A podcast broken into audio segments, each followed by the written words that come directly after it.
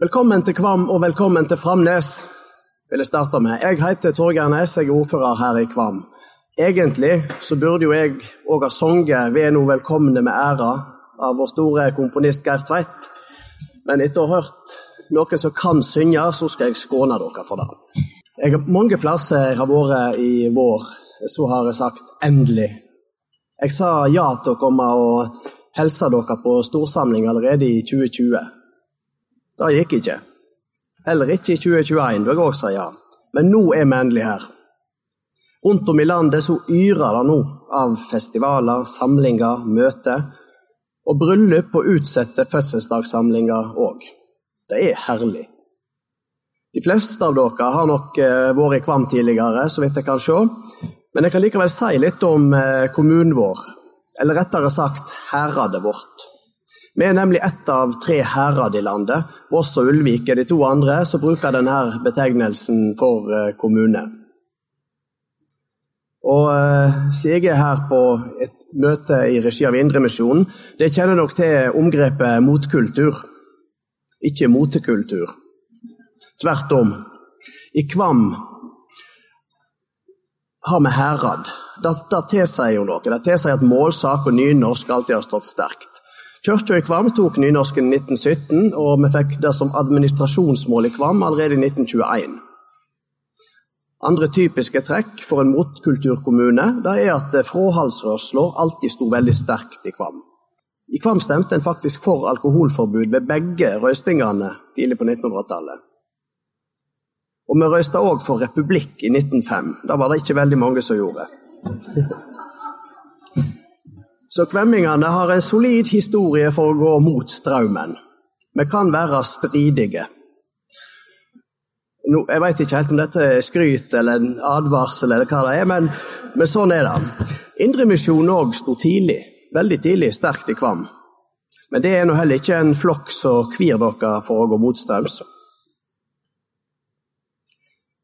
Ellers, Kvam eh, har med sine 8500 innbyggere, så er vi en eh, kommune som har et mer variert næringsgrunnlag enn mange av nabokommunene. Vi har industri i Olvik og på Oma, og vi har liindustri i Steinsdalen. Li jarnindustri i Steinsdalen. Her er det en del eh, jordbruk, og reiselivsnæringa sysselsetter òg en del folk. Stadig flere før koronaen kom, og vi håper det tar seg opp igjen. Så har vi videregående skoler, både her på Framnes og en offentlig. Altså er Kvam herad eh, her, som mange andre plasser, eh, er det kommunen som er den største arbeidsgiveren. Så eh, har jeg et lite fun fact.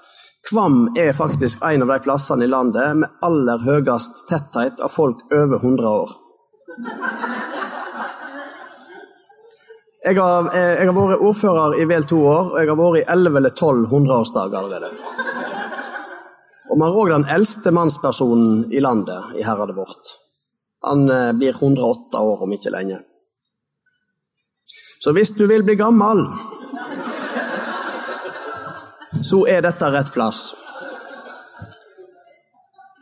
Politisk så representerer jeg eh, Arbeiderpartiet, og her i Kvam har vi en ganske utradisjonell eh, samarbeidskonstellasjon. Jeg har en varaordfører fra Fremskrittspartiet, og vi har støtte fra Høyre og Kristelig Folkeparti. Og det går helt fint. Lokal- og rikspolitikk er to vidt forskjellige ting. Når det gjelder den rørsla jeg representerer, arbeiderrørsla, og du sammenligner det med indremisjonsrørsla, så trenger du ikke eh, lete fælt lenge etter berøringspunkt. Det gjelder solidaritet og omsorg for de svakeste blant oss, i eldreomsorg og internasjonalt engasjement. Og Er du på dugnad eh, i et burettslag eller i et nabolag en dag, så eh, blir det iallfall sagt da, at det er overrepresentasjon av eh, kristenfolk og arbeiderpartifolk der. Indremisjonsrørsla er en tradisjonsbærer, og det skal de være stolte over. Kristenlivet i Norge sto i mange hundre år for det alt vesentlige av litterær og intellektuell virksomhet. Og teksttolking, ikke minst. Og Gjennom en klar og sterk arbeidsetikk har det bidratt, og bidrar fortsatt til at kapital blir forvalta på en skikkelig måte. Og Særlig her på Vestlandet så har det bidratt til at vi har et robust og omstillingsdyktig næringsliv. Eh, I mitt tidligere yrke som næringslivsbankmann jeg hadde jeg for tid til annen litt med indremisjonsfolk å gjøre. Jeg traff en eh, nett her i stad før jeg gikk opp. Dette er ikke smisk. Det er få kunder som er like ryddige, grundige og samvittighetsfulle. De er ganske gode med penger. Protestantismen og den protestantiske arbeidsetikken det er selve grunnsteinen i det økonomiske systemet vårt. Det, er den pliktkjensla i forhold til å arbeide, i øvrig til å stille opp og ta i et tak. Jeg vet ikke om noen av dere leser den sosiologiske klassikeren til Max Weber, 'Den protestantiske etikk og kapitalismens ånd'. Det er ikke et kommunistisk verk, bare for det sagt, det er et sosiologisk eh, eh pionerverk. Men det er en skikkelig øyeåpner i forhold til å skjønne hvor sterkt arven etter Luther påvirker oss, selv i et sekulært og stadig eh, mer verdslig samfunn. Så må jeg innrømme at jeg i 17. mai-talen min i år så raljerte jeg litt over noen litt småkomiske utslag som denne pliktetikken gir seg. Hvorfor i all verden er det sånn at vi får dårlig samvittighet hvis vi ikke går ut når det er sol og fin skiføre? Hvorfor sier vi nei, vi kan ikke sitte inne en sånn dag?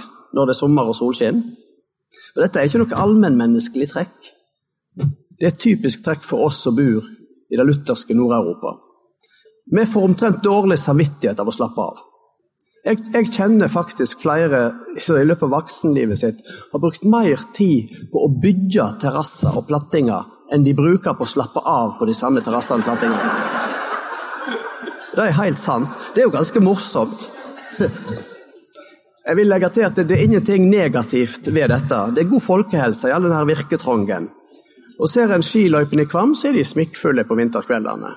Og Fjellene våre de yrer av turgåere så snart det er godt turvær. En kan jo ikke sitte inne. Vel, dette er en del av utslagene utslaget av den arven som det Indremisjonen forvalter. Og Den skal de som sagt være veldig stolt av. Men vi kan godt koste på oss å flire litt òg. Da skal ikke jeg eh, stå her mer. Eh, jeg ønsker dere ei fortreffelig og gjevende samling, og vet at de er hjertelig, hjertelig velkomne her i Kvam. God samling.